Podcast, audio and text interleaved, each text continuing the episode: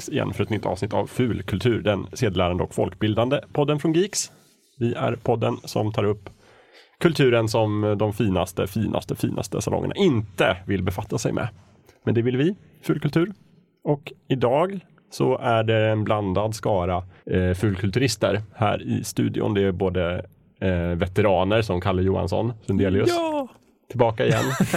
Alltid lika glad. Ja, Ja. absolut. Och sen är det en, en riktigt gammal, gammal goding som har kommit tillbaka och gjort en comeback. Thomas Sundelius. Nej, Sundelius. Thomas, vad heter det? Thomas Hellenius. Alldeles riktigt. Ni har så Alltså, svåra efternamn på FZ.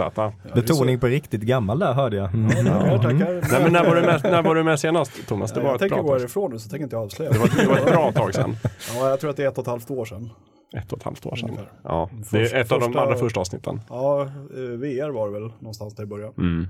Gamla poddstudion till och med. Mm. Mm. Den gamla lokalen till och med. Ja, just det. Hova. Vi har flyttat sedan dess. Så länge sedan var det.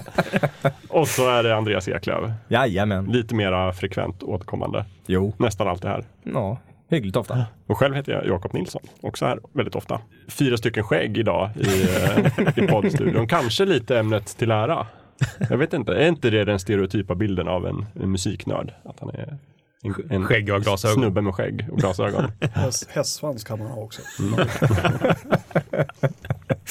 Vi har ju tänkt väldigt länge att vi skulle ha ett musikavsnitt i Fullkultur. Eftersom att det dyker upp lite då och då och det är lite svårt att hitta en bra ingreppsvinkel. Så nu tänkte vi bara, men vi kör bara ett musikavsnitt och så ser vi vart det hamnar. Mm. Så att om det är lite mindre fokuserat än vanligt så tror jag att det kommer vara okej för alla. Eh, Men innan vi liksom hugger in på det ämnet så tänkte jag gå varvet runt och kolla lite hur ni, vad ni har förtärt sen sist. Kalle, vill du börja? Ja, jag spelar ju sjukt mycket Battlegrounds just nu. Sådana här överlevnadsspel på, på PC. Där man ska försöka klara sig och leva längst av hundra personer som hoppar ner på en, på en öde ö full av vapen. Lite Hunger Games-känsla liksom. Och lite Battle Royale. Ja, det men som. verkligen. Eh, Så du sitter och spelar här på, eh, på kontoret. Sen försöker jag recensera Minecraft på Switch. Men när man inser att man, det är typ fjärde versionen av Minecraft som spelar som är ungefär likadant. Så det, det är svårt att liksom komma vidare. Mm. Finns det ingen eh, unik funktion på Switch? Ja, det- den är ju lika bärbar som en platta och det är ungefär samma grej. Ja, det är Nintendo så man kan ju spela en Nintendo-värld. Det är väl det Ah. som är liksom, det är lite smått unika. Men det kunde man ju göra redan på Wii U. Så att, ja, jag, jag har svårt att liksom hitta, hitta vinkeln på den texten faktiskt. Mm. Thomas då? Jag har hunnit göra en hel del sen gå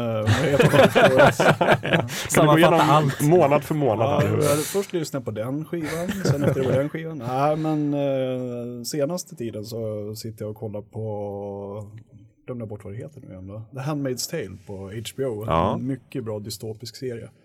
L- Verkar väldigt otäck. Ja, den är obehaglig den. Jag, jag gillar dystopier. Mm. Du gör ju Så det. Dystra undergångsvärldar och eh, den är väldigt fin för att man ser bara ett litet, litet nedslag i den här världen som har eh, förstörts av en eh, ja, miljökatastrof är det det handlar om. Så att reproduktionen har gått åt skogen för mänskligheten är en ganska stor del. Och man märker att det är väldigt obehagligt. eh, Att, att det har hänt väldigt obehagliga saker men man får inte se det riktigt. Så man Ah. får så små, små inblickar när de möter folk och sådär ibland. Det är ett väldigt slutet samhälle som man liksom känner sig väldigt instängd i. Men den är jätteintressant. Mm. Finns på, vad är det, HBO? HBO, ja. Rekommenderas trots den appen. Andreas? Ja, jag har eh, som vanligt konsumerat en massa spel. Eh, men det som eh, har stuckit ut lite jag har varit på bio och sett Alien Covenant. Jag är ju ett stort, stort Alien-fan. Eh, och gick in i den eh, filmen med förväntningar att den skulle vara lite mindre dålig än Prometheus eh, och gick därifrån med positivt intryck faktiskt för det var så här låga förväntningar. Ja. Eh, och jag tycker faktiskt att den, den är bra. Den är inte Alien och Aliens bra, men det tror jag inte faktiskt är möjligt att göra eh, i modern tid. Hur många eh, facehuggers får den i betyg? 3,5 facehuggers av 5 möjliga. Den är bra, men det finns en sektion i mitten som är lite väl CGI-fäst Mm. eh, och lite Prometheus, an, eh, lite i Prometheus-andan. Men eh, de, de förklarar ett ursprung till eh, filmerna eh, Alien Aliens som, eh, som är en intressant twist som jag inte hade förväntat mig, som jag gillade. Och finns några obehagliga scener som faktiskt är lite så aliens obehagligt, eh, Eh, som är uppskattade. Så eh, om man tror att den är Prometheus dålig, det är den inte. Den är inte Alien Aliens bra, men den är inte Prometheus dålig heller. Mm. Ett brett spann där. Den kan vara precis nästan hur bra eller hur dålig som helst. Tre Ja, och men en det- halv ungefär. Ja. Ja men det, det, vi har ju pratat med andra på, eh, på Slack och sådär och eh, vissa FZ-frilansare tycker den är betydligt sämre än vad jag tycker den är så eh, det verkar som att det är ett spann i åsikterna där också. Jag har förberett mig för nya Twin Peaks-säsongen genom Mhm. att kolla igenom alltihopa igen och även långfilmen Firewalk with me Mm. som eh, jag såg förra i helgen. Alltså, det var ju en serie som jag inte ville se på när, den gick på tv. För den var lite för läskig men ändå spännande. Mm. Var, eftersom den var så populär. Mm. Så jag funderar på att verkligen kolla igenom allting igen. Är det, Ja, är det tungdrivet eller är det liksom görbart? Nej, det är inte så många avsnitt så att du kan ju klämma det ganska snabbt tycker jag. Mm.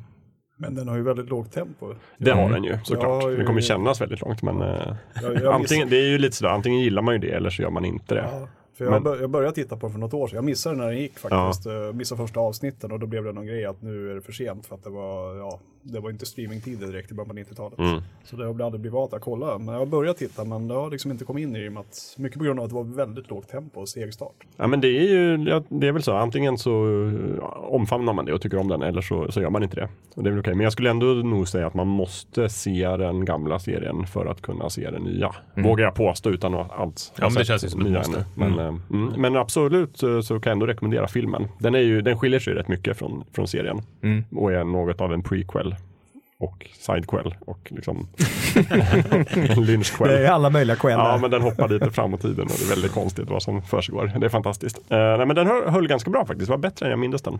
Okej, jag har inte sett filmen. Oerhört obehaglig stämning hela tiden för att det nästan alltid är, på tal om musik då, det är nästan alltid en väldigt konstig bakgrundsmusik. Mm. Vad som än händer. Eh, så den är väldigt flummig. Och skön och otäck. När du började prata om aliens och nu när du pratar om musik i film så kommer jag tänka på den första gången jag såg första Alien. Mm. Eh, jag var inte heller gammal då, men ehm, jag fick faktiskt be min kompis stänga av just musiken för att det, det var den som gjorde att det blev så himla läskigt. Stängde man av musiken så blev det, ja men nu, nu kan jag liksom uthärda det här äckliga monstret som smyger omkring. Men tillsammans med musiken så blev jag helt vettskrämd. Och det visar ändå vilken pass kraft den har. Det är precis samma sak i tv-spel också. Har man problem med en boss eller någonting och det- man ska göra är att stänga av ljudet. Så Ja. blir det väldigt enkelt helt plötsligt. För då ser man väldigt tydligt vad det är för mekanik man ska göra. Okej, nu fattar jag rytmen och nu ska jag trycka på de knapparna och sen har man vunnit. Jättelätt. Den förstörde ju helheten. Ja, jo, det får man ta. Men. Eh, vi har kallat det här avsnittet för den nördiga musiken. Ganska brett och bra ämne tycker vi. Eh, jag tänkte vi kommer liksom in i musiken från lite olika håll här. Vi kommer prata både filmmusik och tv-spelsmusik och vanlig musik. Om det finns något som heter vanlig musik. Men jag börjar med en fråga till panelen. Är musik nördigt? Om man vill. Vad menar du med det? Eh, Det kan vara nördigt, eh, men det beror lite på hur man definierar nörd också. Jag skulle tippa att en ganska allmän definition är väl att det är någon som gräver ner sig väldigt djupt i någonting, Mm. på djupet. Och då är den definitivt eh, nördig. Den kan vara nördig. För att eh, man kan ju ta, det behöver inte vara liksom alternativmusik eller udda musik på något vis för att det ska vara nördigt, utan det kan ju gälla liksom dansband. Det finns ju säkert folk som samlar på Vikingarnas skivor till exempel. Det gör det Det är, säkert. det är inte Mm. direkt det man definierar med uh, jätte... vad, vad ska man säga? Det är, det är inte en typisk uh, musikälskargrupp, Vikingarna om man säger så, om man ska se det på det lite Mm. mer elitistiskt. Utan det är mer dansband och allmänt sådär som man köper på Det är en väldigt folklig genre. Ja, exakt. Ja. Folkligt, ja. Mm. Men det finns ju alldeles säkert folk som samlar på Vikingarna också och har varenda utgåva som finns. Mm. Så den Sen finns det de som bara lyssnar på det som går på radio och inte är mer engagerade än så. Mm. De skulle inte klassas som nördarna. Medan de som samlar på hela vikingarnas backlog, det är, Mm. de är ju definitivt nördar inom det, det smala området. Mm. Nej, för det är just där hur man ska definiera en nörd har vi ju liksom, det snuddar vi vid hela tiden känns det som. Mm. Utan att riktigt liksom lyckas ringa in det. Men om man ser nörd som någonting som liksom dyker ner väldigt djupt i någonting. Så blir det lite alternativt. Och musik kan ju vara det, det är som du säger Thomas. Men, eh, men behöver inte vara det. För musik har väl alltid varit väldigt också brett och all, accepterat av allmänheten. Har en gammal klasskompis kom jag på nu från gymnasiet som var väldigt, väldigt uh, inbiten på att samla musik. Han Mm. hade eh, ett par hundra, eller över hundra i alla fall, eh, olika utgåvor av Pet Shop Boys-singlar. Han hade av sig. Och han spelade in trackslistan varje lördag Ja. i, jag vet inte hur många år, men det var han, han slog något vad, han, han slog vad med sin träslöjdslärare någonting i mitten på 80-talet. Sen fortsatte det i minstone tio år, jag vet inte hur länge han höll på för att tappa kontakten med den här killen, men han hade alla inspelningar i alla fall, trackslistor. önskelistan. Och idag finns alla tillgängliga på nätet. Ja, förmodligen. Men det är ju det är nördigt. Det är nördigt. Det är väldigt nördigt och då har man liksom dykt in i det. Och det här tänker jag fanns redan liksom innan. Vi tänker ju så lätt nörd att det har med datorer och teknik att göra. Men det här har ju funnits sedan 50-60-talet måste det ha funnits musiknördar. Jag kommer ihåg en story från, eh, från eh, universitetet. Ja. Där en, eh, en klasskompis till mig som eh, hade en kompis som eh, sänkte eh, taket för att den skulle få till precis rätt akustik i eh, det rummet där hur, hur gjorde han det? Eh, Jag vet inte exakt hur det gick till, om man tog in eh, eh, faktiska professionella ehm, eh, anställda för att kunna göra det. Men han, han sänkte faktiskt taket för att det skulle vara precis rätt, eh, att ljudvågorna skulle studsa Mm. precis rätt. eh, Så han fick eh, korrekt akustik i Mm. rummet. Man har ju också talat om de här studenterna, man, aldrig någon man kände själv, men någon som liksom beklädde sitt rum med, med ägg, äggkartonger för att få liksom bra akustik. Han borde ha guldpläterat sitt tak den här killen. Ja, just det. Mm. Då blir allting mycket bättre. Ja, studentpengar vet du. Men finns det speciella musikgenrer som är mer nördiga eller upp, inbjuder mera till nörderi än andra? Ja, alltså jag skulle säga soundtracks till spel och film är ju någonting som är ganska nördigt. Mm. Om, om man är en nörd både inom spel och musik och dessutom musiknörd så blir det en, en, en trifecta av nördighet när man samlar på soundtracks för just spel och film. Mm. Det är ju antingen är, antingen är man väldigt nördig inom det området eller så sysslar man inte med det alls skulle jag nästan säga. Eh, så att, eh, det är väl ett område som är Mm. väldigt, inbjudet mycket till nördighet. Men då ligger nördigheten i någonstans att det är ihopkopplat med ett annat nördigt medium. Precis. Ja. Jag tror att mycket av det där fin- återfinns i musik, men det finns ju även i film och i spel och sånt också, att det är väldigt eh, skivbolagsstyrt, att man ger ut väldigt många olika utgåvor av en artist för att just eh, väcka de här nörd- den här nördigheten och samla det. rösten och allt det där. Just det är det. ganska vanligt förekommande. Man vill ha allt. Man vill ha den där samlarstatyn eller den här första pressningen av vinylskivorna eller vad det kan vara. Mm. Men om man vänder på det då, finns det genrer som inte är, eller som är mindre nördiga än andra? Absolute Music.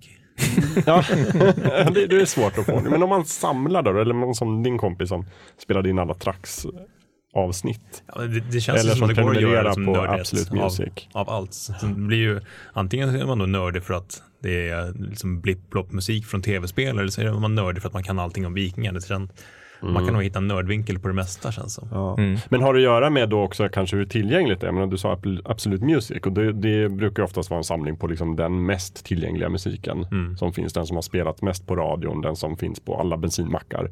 Det är kanske inte då den mest nördiga eh, musiken. Men det, jag tror inte det handlar om det musiken i sig där som avgör om det är nördigheten, utan det är ju själva den här samlarlusten. Och Mm. det, det är ju ganska oberoende av vad det är för typ av musik. Men har du alla, har du alla Absolute Music? Jag kollade upp det nu före här, var det, var det 86 någonting som släpptes här den 13 maj? Ah, jag, jag minns Absolute Music 16. Ja, jag har nummer åtta skivbacken hemma på vinyl. Ja, Eh, fint. Den enda. Men, så jag kan inte definiera mig som nörd på Absolute Music. Men eh, jag tänker om man hade samlat allihopa, om jag hade köpt alla andra 87 också, då hade jag ju definitivt varit en Absolute Music-nörd. Mm. Och det är ju, eh, på förhand ska man väl säga att det är väl mest minst nördiga genren om man säger.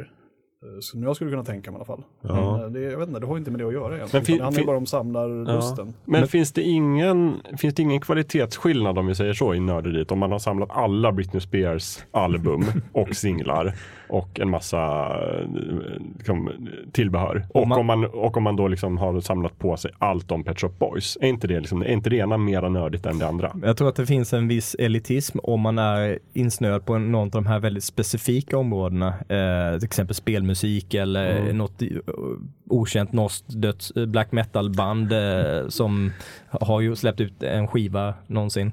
Eh, och då kanske man ser på någon som har, har alla Britney Spears eller Taylor Swift eller vad det nu heter i, i popgenren som mindre fint. Och att, att vara nördig är inte lika fint där. Nej, Men okej. är, är du nörd på Taylor Swifts album så då är du nörd. Eh, nu, nu pratar vi egentligen om olika lager av fulkultur. Så att, ja, men om, om vi då är elitistiska och tänker att ja, men våran indiemusik från Storbritannien eller USA, det är den fina fulkulturen. Sen finns det liksom Britney Spears med ful fulkultur. det, är, det är väldigt mycket meta över det. Ja. Men är det inte lite samma i liksom, om man tänker film och spel och sådär också? Att det finns en elitism i det. Att om man är en filmnörd, då Mm. är det lite finare att var besatta av de här lite smalare filmerna. Mm, absolut. Det är lite det är- mer okända spelen. Definitivt stor skillnad där, liksom, att det är vissa saker är väldigt mycket värda i vissa kretsar, medan Ja. man, man, man sneglar snett på det, skulle inte ens ta i det med tång, liksom, vissa andra saker som Britney Spears eller vad det kan vara för musiklyssnarna. Men har det bara att göra då med hur okända eller smala det man samlar på är? Eller jag tänker liksom Depeche Mode är ju en grupp som är jättestora och jättekända. Och jag skulle ändå säga att många tycker de är mera nördigt att vara inne på dem än Britney Spears. Ja men absolut. Men sen, där blir det ju ännu fler lager. och den- Där kanske det bara någon som, ja men det är bara de två första Depeche Mode-skivorna som är bra. Ja. Sen blev de kommersialistiska och liksom sålde ut sin själ. Så att, ja, det, det finns ju väldigt många lager att plocka där. Men alltså den bäst nördiga musiken måste ju ändå vara jazz. Där, Ja. där folk Mm. liksom går igång på minsta lilla liksom, ackord som görs och sen sitter de där i tio minuter och kör samma ackord och tycker att det är jättebra. Ja, jag är ingen jazznörd. Jo men det kan det nog vara. Eh, Min morbror har en väldigt stor jazzsamling Ja. och är väldigt nördig inför den. Och liksom det är väldigt mycket så här, väldigt fokus på just de här detaljerna. Liksom Vilken inspelning är det här och liksom vilket datum var de i studion och, och vad åt Miles Davis innan han gick upp och blåste i trumpeten och, och sådär. Och vilken tagning är det och sånt. Sånt är ju väldigt nördigt. Ja. Liksom fokusera in på detaljer så det verkar ju jazzen ha omfamnat på något sätt. Ja, just Miles Davis har ju en sån, det finns ju en utgåva av Bitches Brews, som övrigt är en helt fantastisk skiva. Men, Ja. Jag vet inte hur många, är det sju eller nio skivor någonting sån här Bitches, Bitches Brews Sessions eller vad det nu heter, som är jättemycket. Med alla omtagningar och allting sånt där. Så det finns ju många sådana grejer och det är ju verkligen någonting som tilltalar nördarna. Mm. Vet, även Stooges finns det en sån på deras andra skiva, Funhouse, som också är att de har, jag tror de har tagit med alla tagningar och någonting sånt där. Det tog inte den jättemånga tagningar eftersom det är Stooges där det är väldigt rått liksom, men det är ju ändå massor med skivor, jag vet inte om det är 8-10 skivor någonting sånt där tror jag. Mest för de inbitna. Ja men det finns väl några av de där albumen som är någon sorts milstolpar i musikhistorien. Där Miles Davis står väl för några av dem och du har Beach Boys, eh, Pet Sounds till exempel. Där vi också kan släppa en samling med 10-15 skivor med bara olika outtakes och typ, bakgrundsljudet i studion innan de gick in och allt sånt. Det är intressant för nördarna då. Ja, men sen finns ju det gamla exemplet eh, Kiss. Fantasterna där som blev jätte, jättesura när de gick och blev disco. Men sen finns det de som tycker att det är helt fantastiskt och att det, det är vår bästa skivan. Och, eh, så det finns ju en elitism och nördighet som skiljer sig åt per artist också. Ja.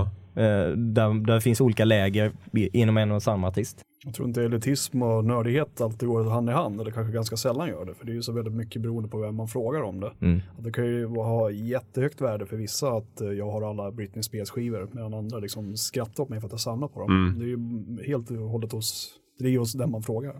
Men är det inte lite intressant också just då, musiken? Att det verkar inte, just det här med nörd och fulkultur verkar inte riktigt hänga ihop på samma sätt där. Som det kanske gör i spel och film.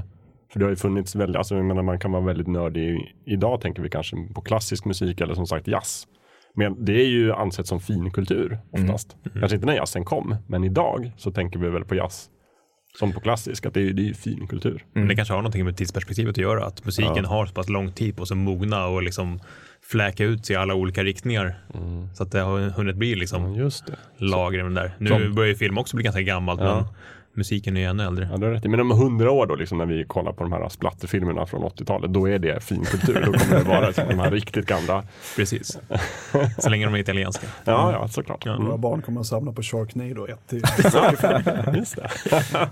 Men det är ju som spelmusik, spel är ju ett relativt nytt eh, ungt medium jämfört med eh, eh, jazz och de gamla musikgenrer och klassisk musik och även eh, eh, filmmusik. Mm. Eh, så eh, om 10, 15, 20 år kanske vi tittar tillbaka på spelmusik som en del av fin, finkulturen. Mm. Men det är ju inte riktigt där nu.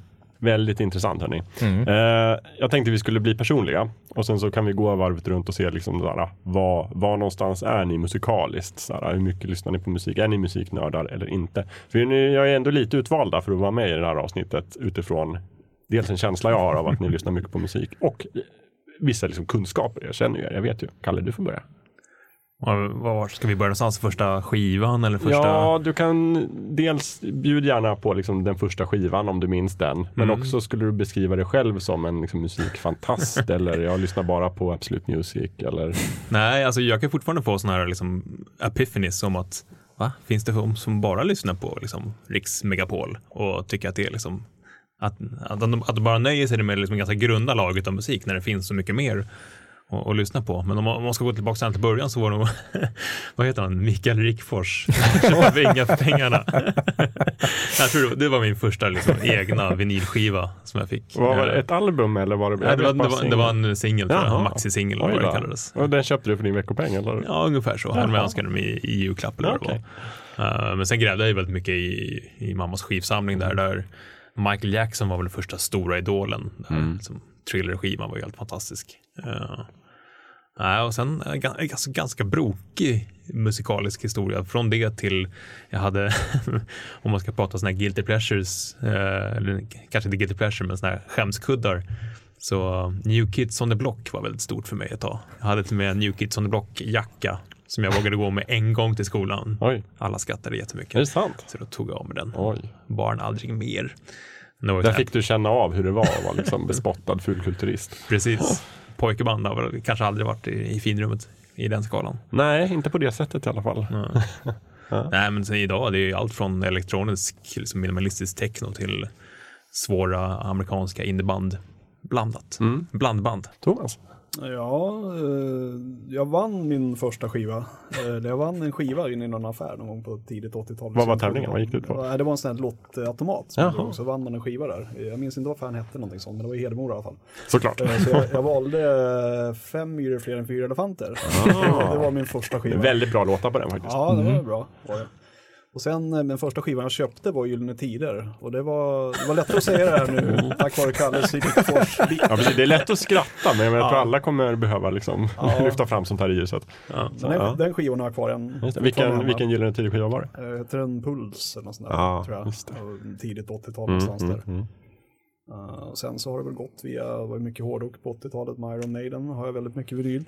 Uh, sen så övergick det där i mer alternativ musik, man säger massa dödsmetall och grindcore och sånt i början på 90-talet som jag lyssnade väldigt mycket på, massa mörk, dyster deathrock och sånt så småningom.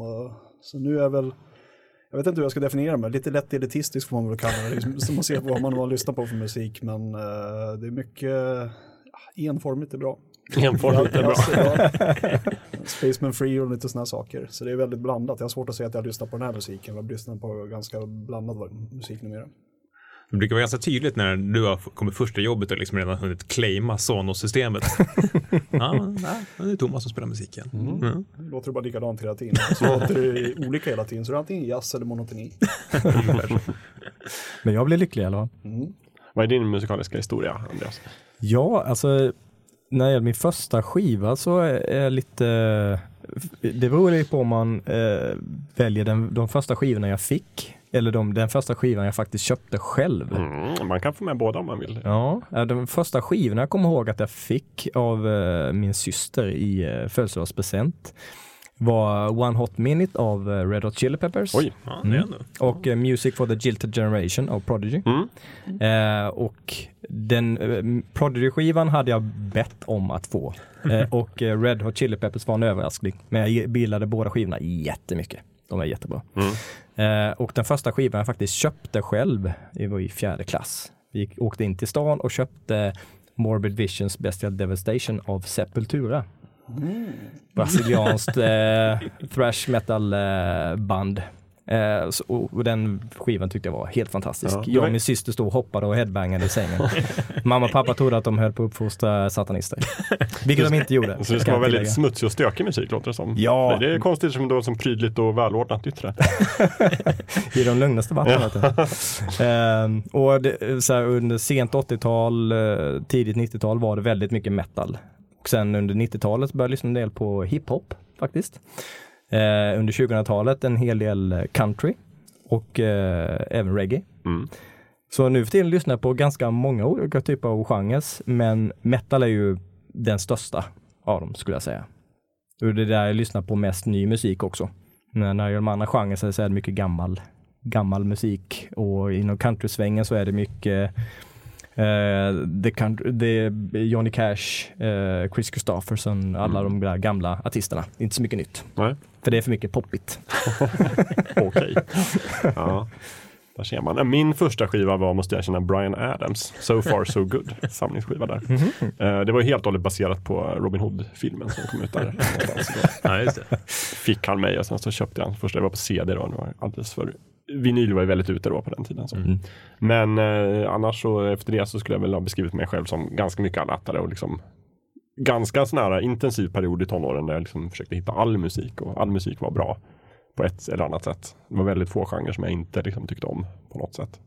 Men då känns det ändå som, då var det en utmaning att hitta ny musik. Jag menar, Ja, idag behöver du bara köra igång Spotify och Ja, eller hur? klicka runt. Och datorn väljer ut åt dig också vad Ja, men lite så. nytt. Då, Mm. då var det ju verkligen en utmaning. Man, man fick kopiera, privatkopiera eh, kassetter och, och CD-skivor från varandra. Mm. Liksom. Ja, precis. Nej, men jag min, minns en tid på början av 90-talet innan internets intåg när jag satt med en eh, sån metalkatalog från Tyskland, eh, så att tysk eh, utgivare. Satt och läste så, sammanfattningar av olika album och deras minirecensioner och tänkte att de där två albumen låter ju Mm. väldigt bra. Så beställde jag dem, visade att en av dem var bra och den andra var väldigt dålig. Mm. men men det, det var det ju- har man ju inte nu för tiden. Nej, precis. Men det var ju mycket där man får läsa om saker och hur, Mm. hur bra det kanske kan vara. Så Mm. man beställa. Men vad- köpte ni mycket musik då eller? Mm. Och hur?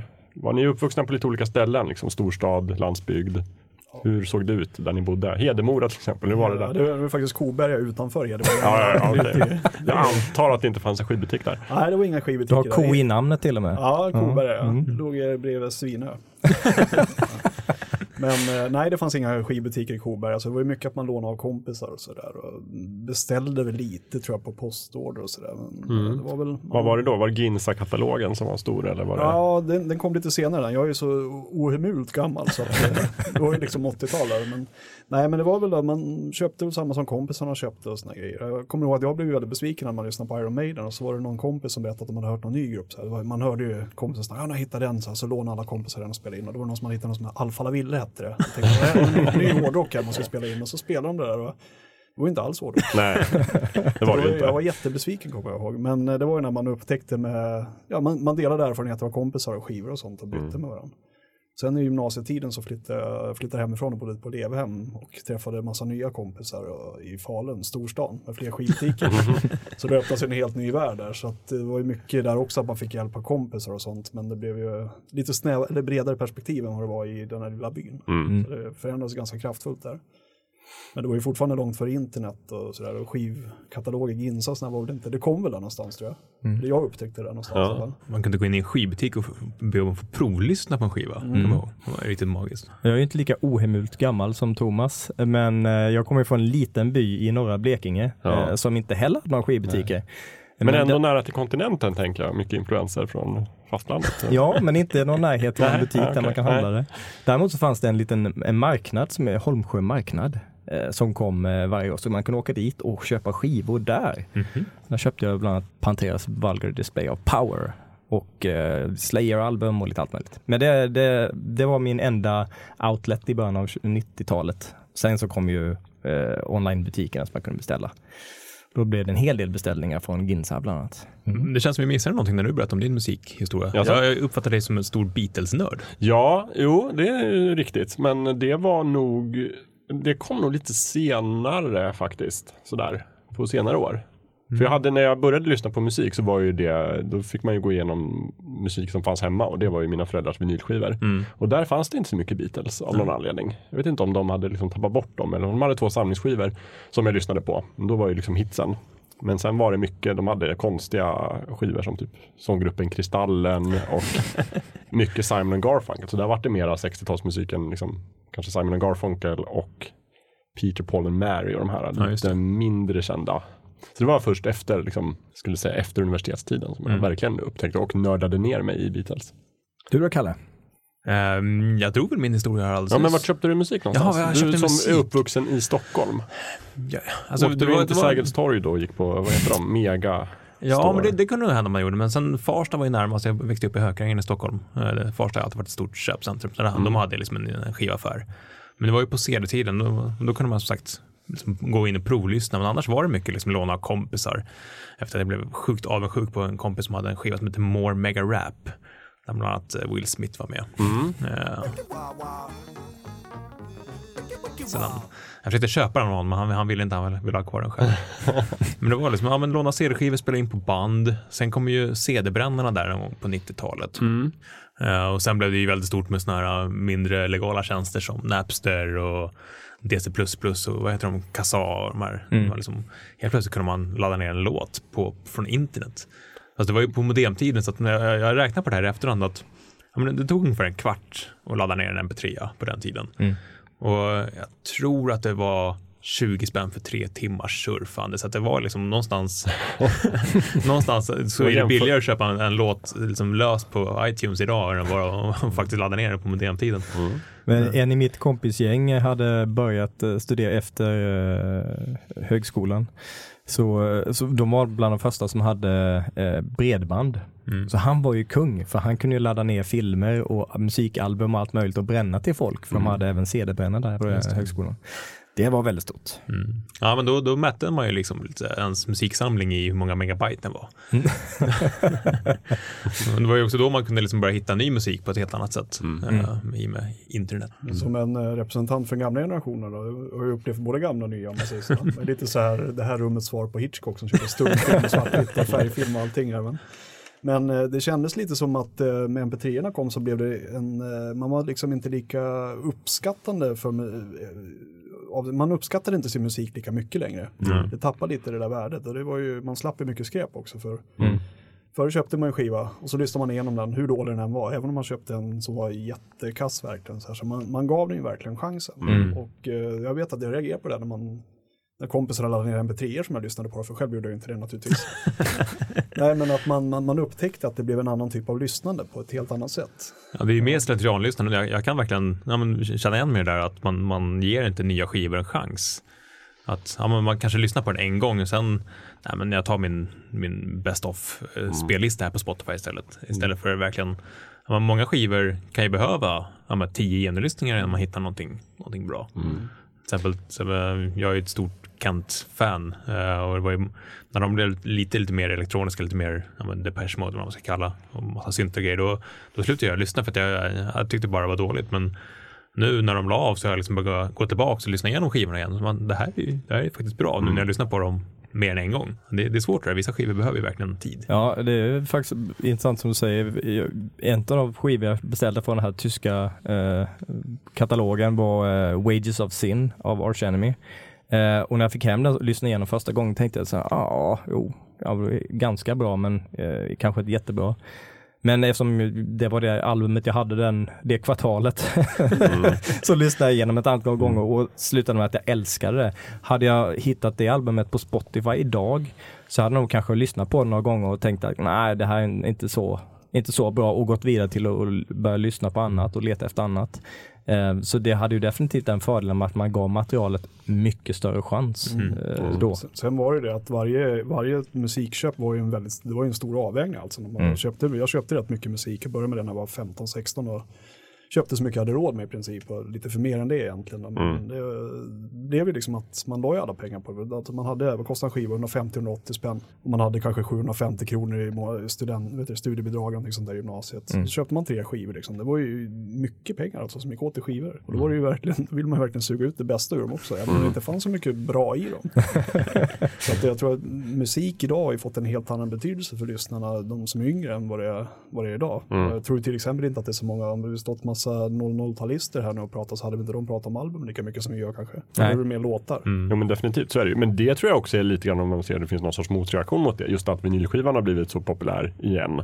Är väl just det här att många vill ha det här gamla sättet att lyssna på musik. Det här väldigt omständliga och böka sättet att man slår på en skiva och sen får man nog lyssna på den för det är väldigt jobbigt att gå upp och byta sida. Och de här stora fina konvoluten som inte finns längre och Ja. det är något speciellt i det men också. precis. Och för samlare tror jag det är perfekt för det är ju liksom både dyrt och väldigt liksom, utrymmeskrävande. Så det är ju Krångligt. krångligt ska det vara. Det ska vara så här. Man ska verkligen visa att man anstränger sig. Ja, för annars, alltså, man, man ger ju inte nya låtar mer än 10 sekunder. Har man inte liksom fastnat då så är det ju stor risk att man bara klickar sig vidare. Man, ja, det, det är kort spann. Mm. Men det är väl också det här kanske sättet att man upplever ny musik på ett annat sätt idag. Man får höra det i reklamfilmer eller i, i filmer man tycker om. Och där, via den vägen kan man upptäcka eh, både artister och låtar som Mm, man inte visste att man gillade. Jättemycket folk har ju börjat lyssna på men, gammal 80 och 70-talsmusik genom till exempel Guardians of the Galaxy-filmerna. Mm. Som använder sådana låtar som soundtrack. Mm. Och då blir man liksom matad med det utan att man var beredd på det. Indoktrinering. Mm. Och det är bara att se liksom, försäljningen på de låtarna sen går ju upp. Så det är klart att det finns ett samband. Jag undrar om det är så speciellt nytt egentligen. För det man tänker sig en film som Pulp Fiction till exempel och Oceans-filmerna. Den är ju ny. 90. Ja, 23 år. Ja, precis. Men det, är, det var ju väldigt bra soundtrack där också i de filmerna. Mm. Och Oceans-filmerna också. Och Jag tror att folk hittar någon hel del musik. Även om det har ju naturligtvis blivit mycket, mycket enklare nu att kanske Mm. köpa det än vad det var för 20 år sedan eller 10 år sedan. Det Definitivt, Nej, men jag tror det gäller förut också. Att Pulp Fiction är ju ett jättebra exempel på det. Mm. Quentin Tarantino överlag gör ju den sortens filmer som är lite eh, flöttande med dåtidens Mm. musik och eh, film, filmtyper. Han har bra musiksmak Mm. helt enkelt. Det har han. Mm. Jag växte upp i Östersund och där fanns det ju faktiskt ovanligt många skivbutiker Mhm. med tanke på sin storlek. Det var ju redan då en väldigt viktig musikstad och ville bli popstad och sådär. Eh, så där fanns det ju skivhörnan då där man kunde gå och både provlyssna själv och spela i butik på så fick alla höra vad man ville lyssna på. det kan nog vara lite pinsamt ibland. Så det var inte med hörlurar alltså? Jo, men det kunde man också få höra. Men Okej. eh, ibland var de upptagna och då spelade de liksom i butikens högtalare. Det hade jag väl upptäckt som 16-åring.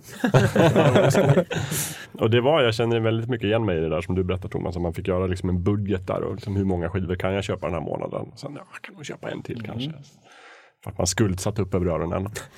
Eh, jag bad ju er att ta med någonting om ni hade något, eller liksom åtminstone välja ut en artist eller låt eller album eller någonting som ni har, som har betytt mycket för er och som ni vill lyfta fram. Eh, om ni har gjort det så är det nu ni har tillfälle att, att liksom visa upp det. Thomas får faktiskt börja, för han tar fram någonting här. Väldigt fysisk media, vilket är kul. Jag tar fram en 7-tum-singel med The Sisters of Mercy. Eh, Den heter Anaconda. På baksidan ligger Phantom. Eh, Jättefin. Vi tar en bild på, på de här grejerna sen.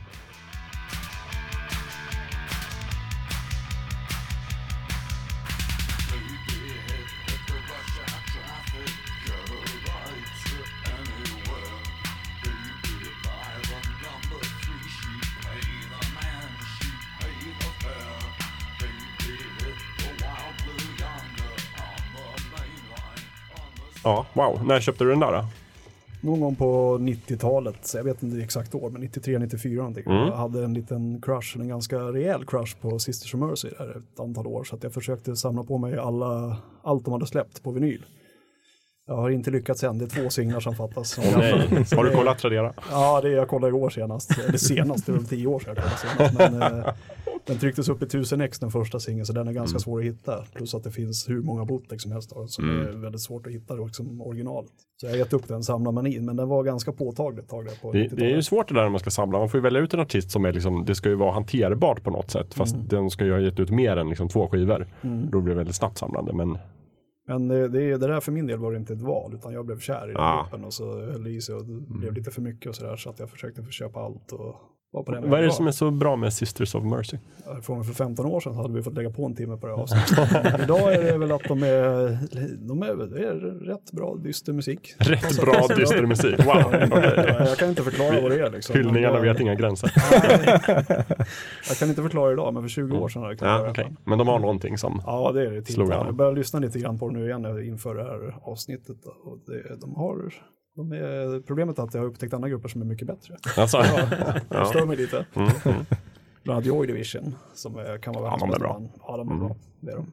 Nej, men det är någonting tilltalande. Det var, det var som någon sa, eller om jag läste det här nyligen, att det här med att eh, man fastnar för en grupp i ungdomsåren.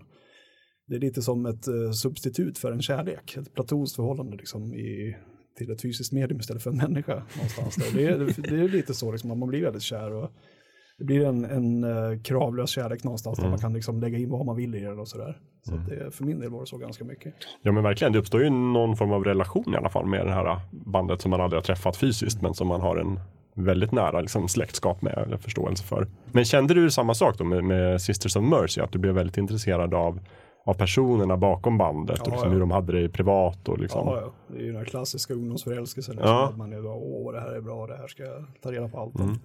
Ja men det är ju lite så att eh, det man upplever i tonåren som är bra det, det upplevs ju så mycket starkare Mm. än någonting annat. Ifall man, man utvecklas så mycket känslomässigt. Så det jag tyckte var helt fantastiskt bra i tonåren, det är inget nytt som kan komma i närheten av det. Mm. För jag upplever inte saker lika starkt i eh, avancerad ålder som jag gjorde i tonåren.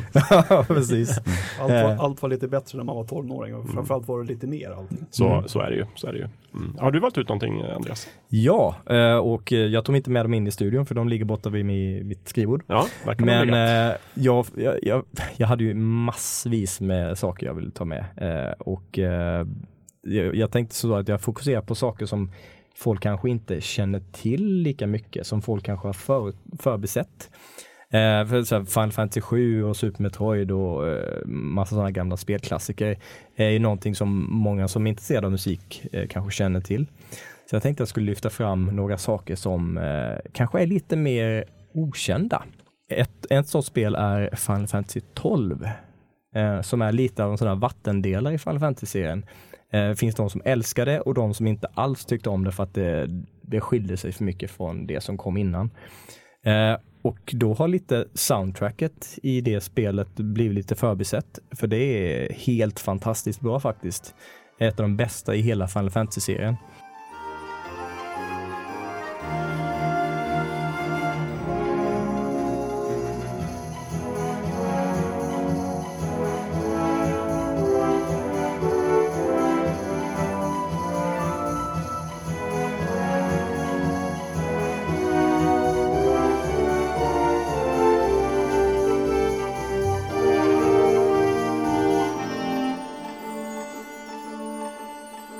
Hitoshi Sakimoto eh, som har gjort det. Eh, och han har ju stått för en del andra suveräna verk. Men har han gjort de andra Final Fantasy-spelen Nej, också? nej, Inte? Okej. Eh, Nobuo Uematsu är ju den eh, giganten Mm. inom Final Fantasy-genren som Ja, gjort precis. många av de bästa soundtracken i spelvärlden också. Men just eh, Final Fantasy 12 är lite förbisett. Och eh, om man gillar Final Fantasy musik, spelmusik, eh, storslagen, pampig, eh, om man gillar Star Wars-musik exempelvis. Det, man ska lyssna på Final Fantasy 12 soundtracket. Det är, det är smått makalöst bra faktiskt. Mm. Och det här har du då på, på CD? eller? Ja, jag har en, en eh, Collector's Edition och den här OSTn på fyra skivor med massvis med låtar. Eh, Det är ett stort spel och det finns många platser att besöka och många musikslingor som ackompanjerar dem. Men känner du att musiken då, om du lyssnar på den och inte spelar spelet, känner du att musiken står för sig själv eller är den bra mycket för att den påminner dig om spelet? Eh, Med Final Fantasy tillbaka. 12 är det faktiskt så att den, den står bra för sig själv. Mm. Eh, Det finns, eh, finns många alster som jag tycker är väldigt bra när de är sammanlänkade med sitt alster. Mm. Eh, som Kalle var inne på, eh, Alien-musiken är ju fantastisk. Men jag skulle ju inte sitta och lyssna igenom hela soundtracket för många av låtarna där är ju förknippade med olika scener som inte är jätteintressanta för sig. Mm. Jag lyssnade faktiskt igenom den så sent som igår och eh, visst många av dem är jätte, jättefina och väldigt stämningsfulla. Men mycket av det är också väldigt, väldigt tätt förknippat med eh, sina respektive scener. Eh, men med Final Fantasy 12 där är det verkligen så att man får den här känslan av att vara ute på ett äventyr utan att spela spelet. Bara genom att lyssna på, eh, på de olika låtarna i de olika scenerna. Eh, så där vill jag verkligen lyfta fram. En annan som jag verkligen vill lyfta fram är eh, en, en film som heter Prinsessan Kaguya eh, av Studio Ghibli. Eh, vet ni om ni har sett? Det är en, en relativt ny Nej. av deras filmer där Miyazaki inte är inblandad. Den skiljer sig både eh, musikaliskt men även estetiskt från Ghiblis övriga filmer. Väldigt så här, hand, så här, vattenmålningsaktig, enkla penselsträck, inte, inte så här snyggt och polerat som många av eh, Ghibli-filmerna är. Och soundtracket är också smått fantastiskt. Eh, eh, det finns två olika scener som är bland det, mest, bland det starkaste jag upplevt Oj. i filmväg faktiskt. Mm. Eh, hur, liksom hur, hur musiken kompletterar det visuella och verkligen skapar en känsla som är väldigt påtaglig, liksom så här gåshud och man, liksom i en scen när eh, huvudkaraktären eh, ska, ska fly från sitt eh, fängelse som hon känner sig att hon befinner sig i. Eh, så penselsträcken blir ännu mer rudimentära och färgerna försvinner nästan helt med undantag för vissa färger som ska accentera dem eh, det som händer. Och sen så blir musiken väldigt dramatisk, avskalad men jätteeffektiv. Eh, och sen mot slutet av filmen så, så kommer det en, en väldigt sorglig scen. Men musikslingan som spelas är jättepeppig och, och munter och, och livlig. Mm. Så, och så, så, lyssnar man bara på låten för sig så tänker man att det här måste ju vara en, en fantastiskt trevlig och rolig eh, scen i filmen. Men det är den inte. Mm.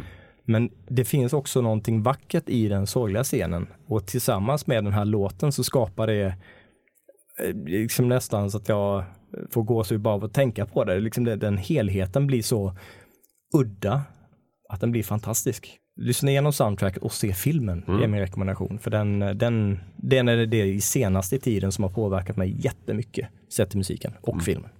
Vi ska ju försöka också lägga upp eh, som länktips mm. eh, länkar till det, helst all musik vi pratar om, men den som finns tillgänglig i alla fall. Och sen kanske till och med spela upp små klipp i avsnittet som ni kanske hör eller inte hör. Vi får se. Mm. Nu fuskade du lite här Andreas, du tog två grejer, men det är okej. Uh, Kalle, har du valt ut någonting? Här Då får jag bara Är det en alltså. Kent-skiva? Ja, precis. Nej, det är faktiskt ingen Kent-skiva. Eh, jag upptäckte Kent ganska sent. Um, det här var också en sån typisk ungdomskärlek. Uh, och vet, Andreas har redan nämnt den, men det är ju Prodigys Music for the Guilty Generation. Mm. Det var den första uh, elektroniska skivan som var någonting mer än bara liksom happy hardcore dunka-dunka. Mm. Som verkligen var musik på ett annat sätt.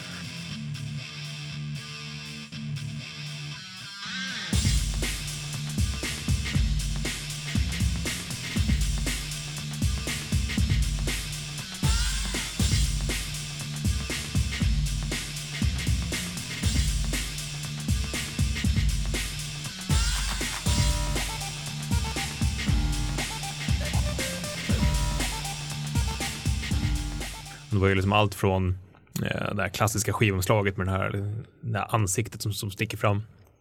Uh, och sen har du ju världens bästa danslåt i No Good. Och mm. helt annorlunda låten Break and Enter som är bara liksom trashy och, och hård och glassplitter. Och sen superflummiga avslutningslåtar som Tre Kilos. Det är väl, väl, ganska spretig skiva på det viset. Mm. Men mm. Eh, uh, första liksom, ja, men, uh, mitt intåg i den elektroniska musiken på, på ett helt annat sätt som fick mig liksom att gå på Prodigy-konsert, som fick mig att liksom börja gå på Rayfest på 90-talet. Liksom, jag insåg att musik inte bara sitta still och lyssna, utan det här, det här kan man stå och studsa till i timtal utan att bli trött. Uh, och det är en skiva som jag tycker fortfarande håller enormt bra. Mm. Förmodligen en av deras bästa skivor. Mm.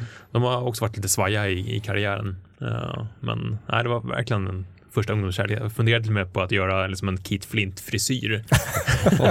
blev stoppad av min, uh, av min, ja, min fru där faktiskt.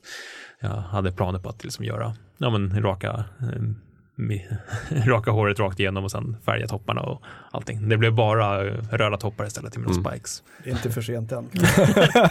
ja, jag vet inte, kanske lite sent. Nej, men det är verkligen en skiva som en, en, en skiva som ligger mig absolut varmast om hjärtat. Men var det samma sak där då, att du liksom började intressera dig för Prodigy som person eller oh, som ja, band? Absolut. Eller var det framförallt musiken? Jag gjorde specialarbeten i skolan. jag lärde mig allting om vilka syntar de använde mm. och liksom vilka som gjorde vad eh, och lyssnade på en del av deras sidoprojekt som, som egentligen inte var så bra men som man ville tycka om för att mm. det ändå var liksom Prodigy-medlemmar som varit med och mm. gjort. Um, har en låt med, med en Skanken Nancy-sångare som var den, den är ganska bra men den är inte så bra som jag tyckte den var då. Nej men verkligen, den, den var verkligen min första fan, fanupplevelse. Jag får lägga till att man är ju beredd att förlåta väldigt, väldigt mycket när det är sådana sidoprojekt. Alltså. Mm. Man vill ju att det ska vara väldigt bra och det är inte så att man bedömer det speciellt kritiskt. Nej, det, nej, nej, det finns många sådana exempel. Mm.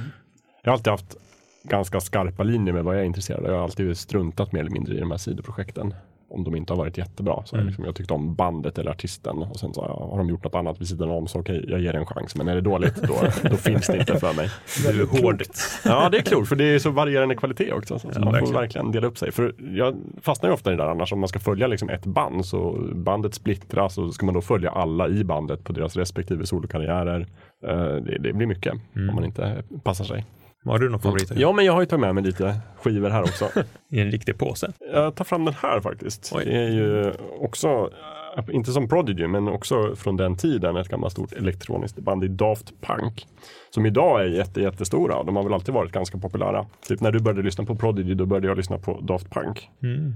Men började du innan eller efter uh, den där jättekända musikvideon när de går i trappan? Discovery. Jag började innan faktiskt. Du gjorde det? Vilket Ja. jag är väldigt glad för. för att, eh, det var ju deras andra album som hette Discovery. Precis. Men eh, 1997 så gav de ut sitt första. Men det känns ju som att det var då de blev lite stora även för andra. Ja, men då gav de ut den här Around the World till exempel. Och Mm, sådär. precis.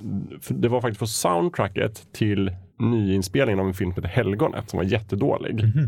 Eh, De gjorde en remake av Helgonet och där hade de ett, ett kick-ass soundtrack med både, eh, jag tror Prodigy vet jag inte om de var med, men Chemical Brothers var med Mm. och eh, Underworld var med och Daft Punk var med. Hela den här Big Beat-genren var Mm. med. Och där upptäckte jag alla de här banden och då Daft Punk. Mm. Låten Duff Funk. Gillar du Fatboy Slim? Ja, oh ja. Mm. Han var också med där. Ja. Mm. eh, både Daft Punk och Fatboy Slim är den här lite mer roliga elektroniska musiken. än, Men vad tycker du om deras lite svåra grej här med att de har hjälmar på sig? ja, men det är ju det jag skulle komma till. Jag tycker de där, personligen bryr jag mig inte så mycket om det, men det spär ju verkligen på den här liksom, nördighetsfaktorn i det. Om man är ett Daft Punk fan så blir det ju en del av grejen. Att Mm. de ska vara så här lite gåtfulla och mystiska. Jag är mer intresserad av det på en metanivå kanske, att de bygger upp ett, ett fiktivt universum kring sig själva. Mm. I och med de här hjälmarna och liksom de är robotar och alltså hela kraftverkbiten fast i Frankrike och senare. som jag tycker är jätteroligt när man blandar verklighet och lek på det där sättet. Mm. Annars är det väl framförallt bara det är bra musik. Liksom. Det är väldigt svängigt, väldigt elektroniskt, väldigt franskt. Och eh, sen ser man ju på de senare albumet, nu håller jag, det här är ju Random Access Memories med deras senaste album, att de har ju själva, att de är ju själva musiknördar märker man ju väldigt tydligt. Mm. De började i den här liksom, elektroniska fåran, men sen så har de mer och mer börjat först efterapa och sen eh, sina gamla låtar, alltså sina gamla, de som de lyssnade på själva. Och sen faktiskt börjat skapa ny musik Mm. som jag tycker Random Access Memories, där de faktiskt har tagit upp de här gamla 70-tals discoartisterna och gjort ny musik med. Den, just den här skivan var väldigt eh, vitaliserande för mig faktiskt, för då hade jag börjat känna, det är lite perioder så här, ibland känner jag liksom att nej men åh, det finns ingen ny rolig musik längre och jag orkar inte upptäcka någonting nytt och jag lyssnar på de här gamla Beatles-låtarna, det blir bra. men sen så kommer en, en sån här album och så känner man, men oj, vad bra musik kan vara och vad, vad härligt och den här vill jag lyssna på, jag vill köpa albumet och jag vill se videorna och det, det är kul när sånt händer.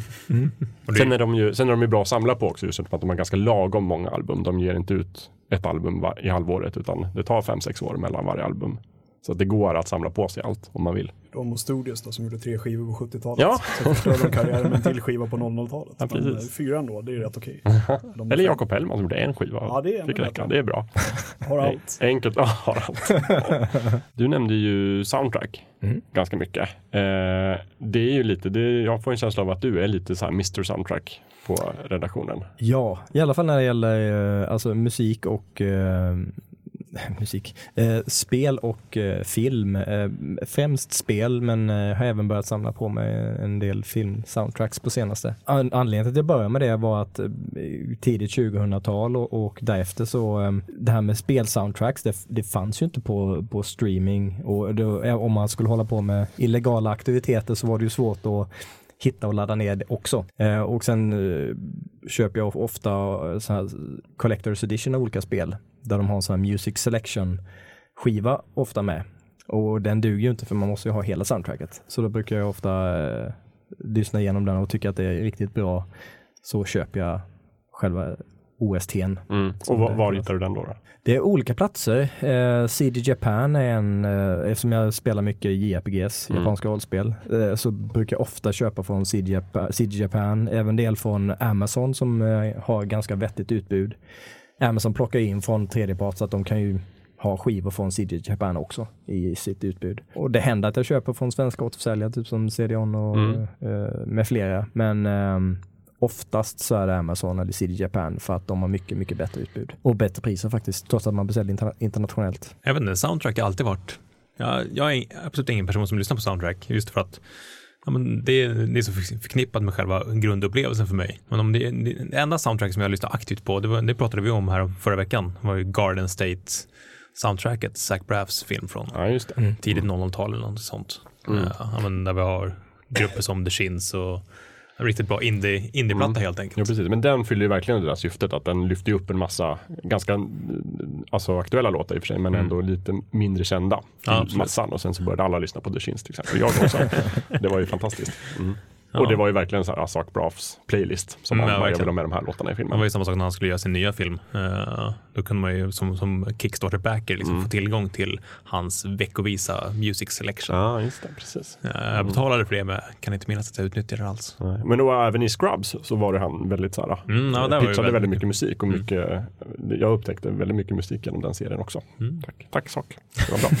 Jag tycker, tycker det är fascinerande när man tittar på tv-serier på Netflix och HBO och sådär. Att det är, det är så pass eh, ofta väldigt, väldigt, bra och väldigt alternativa soundtracks. Som i True Detective till exempel. Alltså det är väldigt många serier som har, det är just att det är så pass alternativ musik. Mm. Ja, verkligen. Nej, men det känns ju som att där har det någonstans hänt någonting för att filmer och tv-serier, de verkar vara någon sorts, de vill att det ska vara lite okänd musik och bra musik snarare än det här att vi väljer ut årets superstjärna och du får skriva musik till den här filmen. Ja, det är intressant det där, att det, i och med att det når ju väldigt mycket folk, liksom, Ja. tv-serier som vilka den är, eh, alla möjliga stora, liksom, att det, ändå just att det är så pass alternativt. Det, jag tycker det är slående faktiskt, Mm. att det inte satsar på, som du säger, de stora artisterna.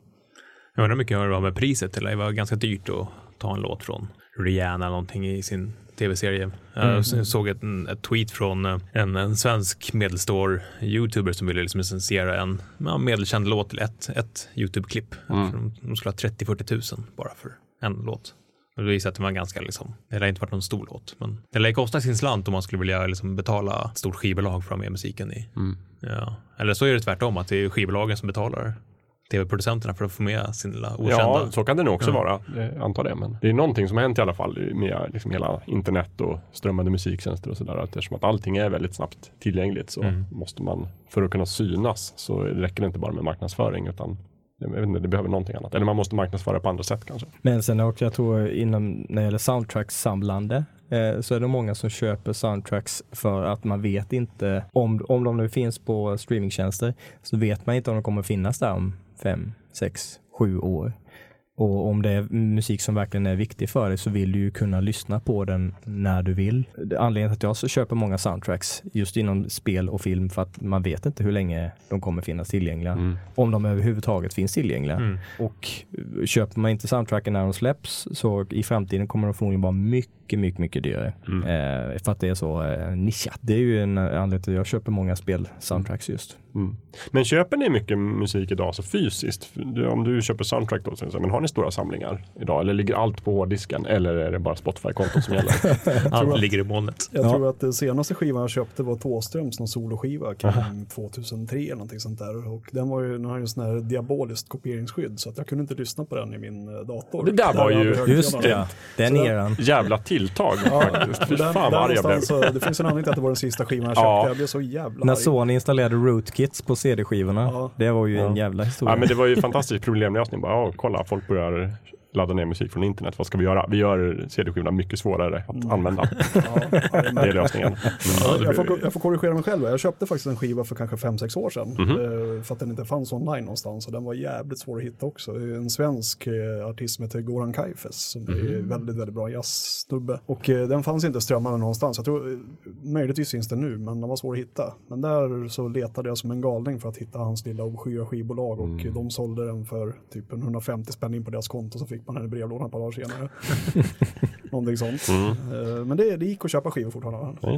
Ja, jag, jag köper ju många fysiska album inom just spel och film. Eh, men de rippar jag ju till datorn, lägger på min eh, NAS eh, nätverkslagring Mm. hemma. Eh, så att jag kan komma åt dem vad som det. helst. Om det inte är en Sony-skiva då. Ja, precis. Klassisk Sony Men de har väl slutat med det där nu? Har de inte det? Jo, jo, de blev stämda för det. Alltså, ja, Ja. och så pass. Ja, oh ja. Ja, Jag, när jag rensade ur förrådet för ett tag sedan så hittade jag min gamla kartong med CD-skivor. 200 CD-skivor som eh, ligger nere i förrådet. Mm. Ja. Som jag inte gör någonting med. För jag, jag använder bara Spotify och Mm. Jo, men mina ligger också i förrådet. Men vad gör du, Kalle? Har du någonting kvar? Nej, allting ligger i molnet. Alltså den Har du slängt skivorna eller vad har du gjort med dem? Nej, alltså de fåtal skivor jag har kvar, de är i bilen. För där har jag, bilen? men det, det är ändå Jaha, för- förlåt, du sa fåtal. Jag tänkte att du har en skit- samling på 200. Alla ligger i bilen.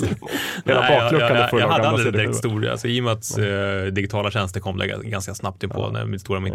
Du är ju yngst också här i, i sällskapet. Ja, kanske. Eh, nej, så att alltså, bilen är den enda CD-spelaren jag har. Mm. Jag äger ingen annan CD-spelarmöjlighet hemma. Ja, Kan men, inte ditt Playstation 4 spela CD-skivor? Jo, men då måste man ju dra igång den. Ja, det orkar man inte. Det är frågan om den kan det va? Kanske var det inte den som inte hade CD? Bara Blu-ray? Var det inte, var det Ja, PS4? Jo, jo den, eh, den hade inte mediaspelare från början men har det nu. Jaha, okej. Jättekonstigt. Nej, så allting ligger i molnet. För jag har också kommit på det där ibland, liksom, någon gång, om, det händer ju en, gång per år att man köper en CD-skiva just för att den finns inte på en strömmande musiktjänst och man vill stötta artisten eller liksom någonting sånt. Och så får man hem den och så bara, ja men nu ska jag spela upp den och vad ska jag göra med den? Ja, nej, jag har ingen aning. Lägga in i datorn? Nej, jag har ingen CD-läsare på min dator längre. Jättekonstigt. Det är lite samma situation som man har med de här vinylskivorna hemma som man köper någon gång ibland också. Det är fortfarande ingenstans att spela upp dem. liksom. Nej, det är jättelätt. Det är bara att köpa en vinylspelare. Ja, men jag tänkte när mina barn blir lite större så att klåfingrigheten går Jag över. tänker också så att jag, jag köper ju, det har ju börjat köpa ganska mycket vinylskivor nu för att det är dyrt och för att det är opraktiskt som sagt. Eh, men då tänker jag ju så att det här är ju liksom ett framtidssäkert medium för att det kommer ju inte försvinna från molnet. Det här är ingenting som ett barn kan ta sönder heller. Nej men precis, och så får mitt barn ärva det så jag tänker att jag investerar för hans skull. I liksom, Och i värsta fall så går det att handveva upp eh, vinylspelaren. Om, Exakt. Ja, man kan bygga en själv med Ja. liksom en gummisnodd och en synål tror jag. Om man liksom kan kolla på YouTube. Så, I värsta fall. lyssna en gång i alla fall. Nej, men där är det verkligen, det, jag tänker som sagt att det måste tilltala samlarna, just vinylvågen, som Mm. inte verkar dö ut om man ska kolla på statistiken. Plus att då får man ju också nedladdningskoder, så kan man ju ladda hem den direkt till sitt eh, molnet databibliotek. Ja, bra, jag har ingen vinylspelare i bilen.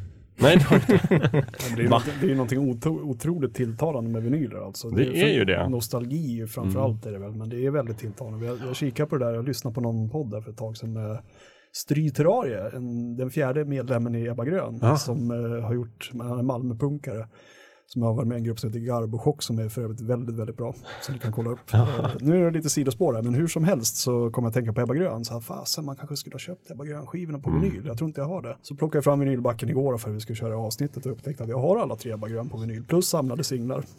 så att, eh, jag kan lägga ner det. En investering helt. Fantastiskt, bra jobbat. Hörni, tiden går jättefort och det börjar snabbt dra upp sig mot eh, slutet. Men jag tänkte vi kunde liksom ändå avsluta med att tipsa lite till varandra. Bra grejer och sådär. Jag har ju med mig några fler skivor så jag tänkte tipsa om en till. Jag kan ta fram något här ur påsen.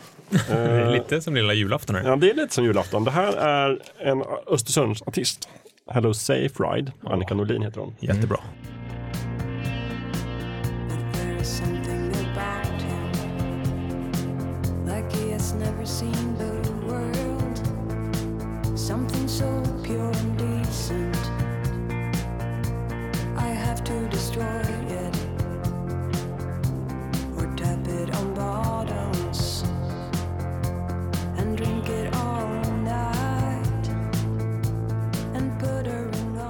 Jag kom på det att det blir väldigt snabbt så när man väljer ut sina skivor att man tar, det blir väldigt mycket män och sådär. Så tänkte jag, men lyssnar jag inte på några kvinnor? Och det gör jag ju såklart. Men jag hade väldigt få skivor av kvinnliga artister som jag måste börja fundera på varför. Men just Annika Norlin är ju Dels är hon väldigt bra, dels är hon väldigt trevlig och dels är hon från Östersund. Precis som jag. Så att, Men eh, du gillar alltså Hello Safe mer än säkert? nej, det, det ska jag inte säga. Jag gillar nog båda på lite olika säkert. sätt. jag gillar båda väldigt mycket. Men eh, nu vart det just en Hello Safe-skiva för den var nyast. Ja. Så det var den jag hade liksom närmast till hands. Ja, men det är ju Men- både hon och Anna Terneheden som kommer på samma veva. Ja. Och eh, Marit Bergman. Mm. Riktigt. Väldigt begåvad och väldigt liksom hög musikalisk kvalitet också. Mm. Det märks att de är uppvuxna med liksom kommunala musikskolan och sådär som man alltid tillskriver det svenska musikundret. Uh, har ni någon annan några tips? Jag måste testa en tips om mitt senaste konsertbesök som var Radical Face som spelar på Kägelbanan i Stockholm. Mörk, ni kommer säkert känna igen om man, om man sett en Nikon-reklam med de här bollarna så hör man ju då Welcome Home från, då, då han blev riktigt känd. Bollarna. Gammal Nikon, säkert tio år gammal nu, men det är en massa bollar som färgglada bollar som faller ner från himlen och så hör man då Radical Face. i Ja, bakgrunden. okej. Just det. Ehm, Men det är inte de här studsbollarna som rullar ner från en gata i San Francisco? Ja, för kan det ha är varit ju också. José González. Ja, just det. Han, eh, ja, men det var reklamen efter tror jag. Ja, okej. Ja, men det här är i alla fall en kille som heter Ben Cooper som han skulle egentligen skriva en bok, eh, men hans hårddisk kraschade när han var klar med den, eh, vilket gjorde honom så frustrerad så att han kraschade hela datorn och sen började skriva musik istället. Mm. Så han gör eh, Welcome Home är en skön mörk, det är en blandning av Simon Garfunkel och på typ Depp Heroin. Väldigt mörk och eh, mysig. Eh, sen har han även släppt tre stycken konceptskivor som heter The Family Roots. Oj. Man får följa en familj genom 1800-talet och allting som är svårt och kan rekommendera Radical Face. Du nämnde ju Red Dead Redemption, eller José Gonzales där. Ja, det gjorde jag. Kan man rekommendera hela soundtracket till eh, spelet Red Dead Redemption. Ja, det som kan man är göra. fantastiskt. Mm, det är det. Men det var inte det jag tänkte tipsa om. Eh, jag, jag fortsätter på spåret om tipsa på saker som eh, även fantaster inom olika genrer kanske har missat. Eh, och ett sånt soundtrack är eh, soundtracket till spelet The Last Story, ett JRPG som släpptes till Wii eh, av eh, Final Fantasy-pappan Hironobu Sakaguchi. yes. Eh, och eh, det här det soundtracket gjort av Nobuo Matsu, också en Final Fantasy-gigant. Eh, men det här, det här spelet släpptes till en, en plattform, Wii, som inte var eh, hardcore-fantasternas plattform. Och det var väldigt många som inte spelade spelet. Jag har s- själv spelat spelet många år efter det släpptes och, och insåg då liksom hur dum jag hade varit som inte hade tagit tag i det tidigare. För det är också ett makalöst bra soundtrack. Um, så vi kommer ju länka till så man kan lyssna på eh, ett sample från, från det om man är intresserad av. Eh, det, om man är överhuvudtaget gillar den sortens musik, eh, den sortens spel, så får man inte missa spelet, man får inte missa soundtracket. Eh, det är jätte, jätte, jättebra. Bra tips. Borde gå att köpa rätt billigt också idag. Åtminstone spelet. Spelet är ganska dyrt. Det är typiskt. Eftersom det är begränsad upplaga till en, eh, en plattform som inte var så populärt. Så det är tyvärr rätt dyrt. Mm. Soundtracket kan man få lite billigare om man beställer från uh, CD Japan exempelvis. Härligt. Vi lägger in länkar som sagt Mm, till mm, mm. vart man kan få tag på dessa grejer. Thomas då, har du något du vill dela med dig av? Jag har egentligen redan fuskdelat lite grann av mig. Eh, Garbo Chock, deras första, sista och enda skiva. Ja. Ritual från 1980 eller något sånt där. Det finns ingen annan svensk musik som låter så. Går den att få tag på på något Ja, sätt? den nu vart en återutgivning på CD för 15 år sedan kanske. Den finns ju på Spotify. Mhm. Ja, men vad härligt. Ja, det är bra. Och så Joy Divisions två skivor måste man ha. Mm. Unknown Pleasures och Closer bara för att de är bäst. Just det, vad kul. Jag fortsätter att tipsa. Jag har med mig min skiv, mina skivor här som sagt. Jag tar den här. Då. Holländsk band som heter Exception. Jag vet inte om någon av er känner till det. Nej, nej. Om ni är hos liksom, vuxna människor som var vuxna på 70-talet så är sannolikheten väldigt hög att de har åtminstone en Exception-skiva i sin gamla skivback. För det var, de hade liksom någon sorts våg där på 70-talet när de var väldigt, väldigt stora i Europa i alla fall. Det var en av de här skivorna som jag upptäckte i mina föräldrars samling. Väldigt härligt band. Sådär. De eh, omfamnar någonstans det här lite knarkiga 70-talet genom att blanda eh, alltså klassisk musik, klassiska arrangemang med lite jazz och väldigt mycket progg. Så att det är liksom, de spelar klassiska arrangemang med liksom orgel och saxofoner och trummor. Och,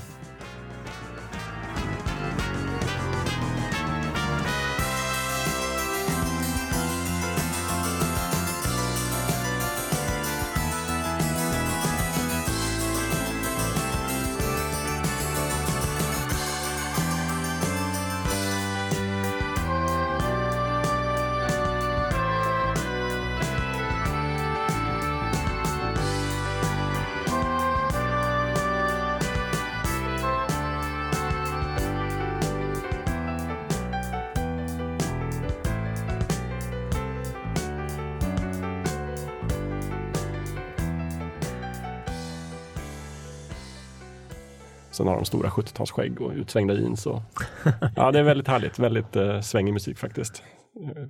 Ja, det går lite in i mitt andra tips. Eh, Ett av mina absoluta favoritband heter The Anniversary från eh, Kansas i USA. Eh, De släppte bara två skivor. Den första var väldigt som en indie. Har man lyssnat på Get Up Kids och många andra indieband från USA så känner man liksom igen soundet.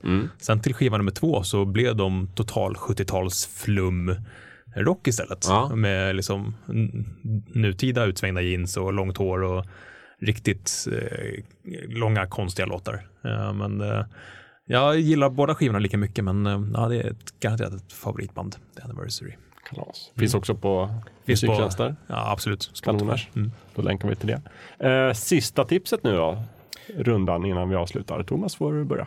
Tar väl ett annat eh, svenskt band då, som heter Goat som spelar alternativ, funky, skrik, jag vet inte vad det är, world music, någonting Alternativ funky skriker, jag vet inte vad det är. Det låter jättebra. sånt. Svårdefinierat. Ni, ni får lyssna, Goat, de har gjort minst två skivor.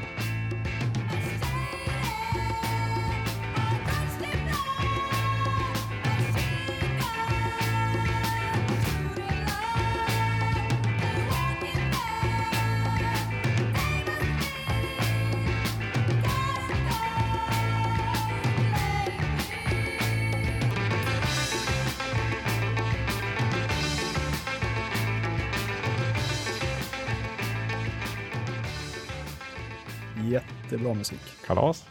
Jag skulle tipsa om eh, ett, eh, ett, en, en supergrupp faktiskt. Mm. Eh, även om man är fantast av country-giganter som Johnny Cash och Waylon Jennings och Chris Christopherson så kanske man inte känner till att de hade en supergrupp som hette The Highwaymen där de spelade in tre album tillsammans. Eh, och de, de albumen är till största del fyllda av fantastiskt bra countrylåtar. Eh, som jag tvivlar på att de, alla countryfantaster har lyssnat på. Så det, det rekommenderar jag definitivt att gå in och lyssna på. Eh, både på Spotify och, eh, och kolla musikvideos och annat sådär. Väldigt bra. Väldigt Mm. bra. Mm. Då så, jag tar mitt sista tips också. Eh, också 70-tals, 80-tals. Kjell Höglund. Väldigt eh, speciell svensk artist som inte har fått den uppmärksamhet han förtjänar. Faktiskt. Eh, också naturligtvis uppvuxen i Östersund. Oj, oj, oj. Vilken lokalpatriot du är. Ja, men det är inte så, utan det är mer att konstatera att mycket bra musik kommer från Östersund. Så är det. Hörrni, det känns som att vi bara har skrapat på ytan lite grann Verkligen. i våra musiksamlingar. Och jag, kan, jag tror jag under inspelningen nu så har jag kommit på kanske tre eller fyra avsnitt som vi kan följa upp det här med, med musiken. Men det här var lite en början i alla fall. Eh, jag hoppas att ni som lyssnar har fått lite tips och eh, skriv gärna in själva och tipsa om musik och sådär. För det, är liksom ett, det var ett väldigt brett ämne, vi visste det från början. Vi skulle inte hinna med alltihopa. Nej. Nej. Det känns som att vi har all möjlighet i världen att lägga upp massa favoritmusikvideos på Oh, ja, Facebookgruppen kanske. precis. Oh, Och ja. då finns det lite olika grejer vi har. Då. Vi har Facebookgruppen Fullkulturpodden. Sen har vi ett Instagramkonto Fullkulturpodden. Eh, sen finns vi numera också på Tumblr där man kan se alla länkar och lyssna på avsnittet och lyssna på gamla avsnitt. Och då är det Fullkulturpodden. Mm. tumblr.com. Eh, Så följ oss där och skriv till oss och berätta vad ni själva tycker för musik eller hur dåliga mina tips är och sådär. ja, ni vet. Sen så är Fulkultur tillbaka då om två veckor. Då blir det inte så mycket musik kanske, då blir det någonting helt annat vi ska Mm. prata om. Eh, tack för att ni har lyssnat allihopa. Tack så mycket. Tack, tack. Hej. Hej.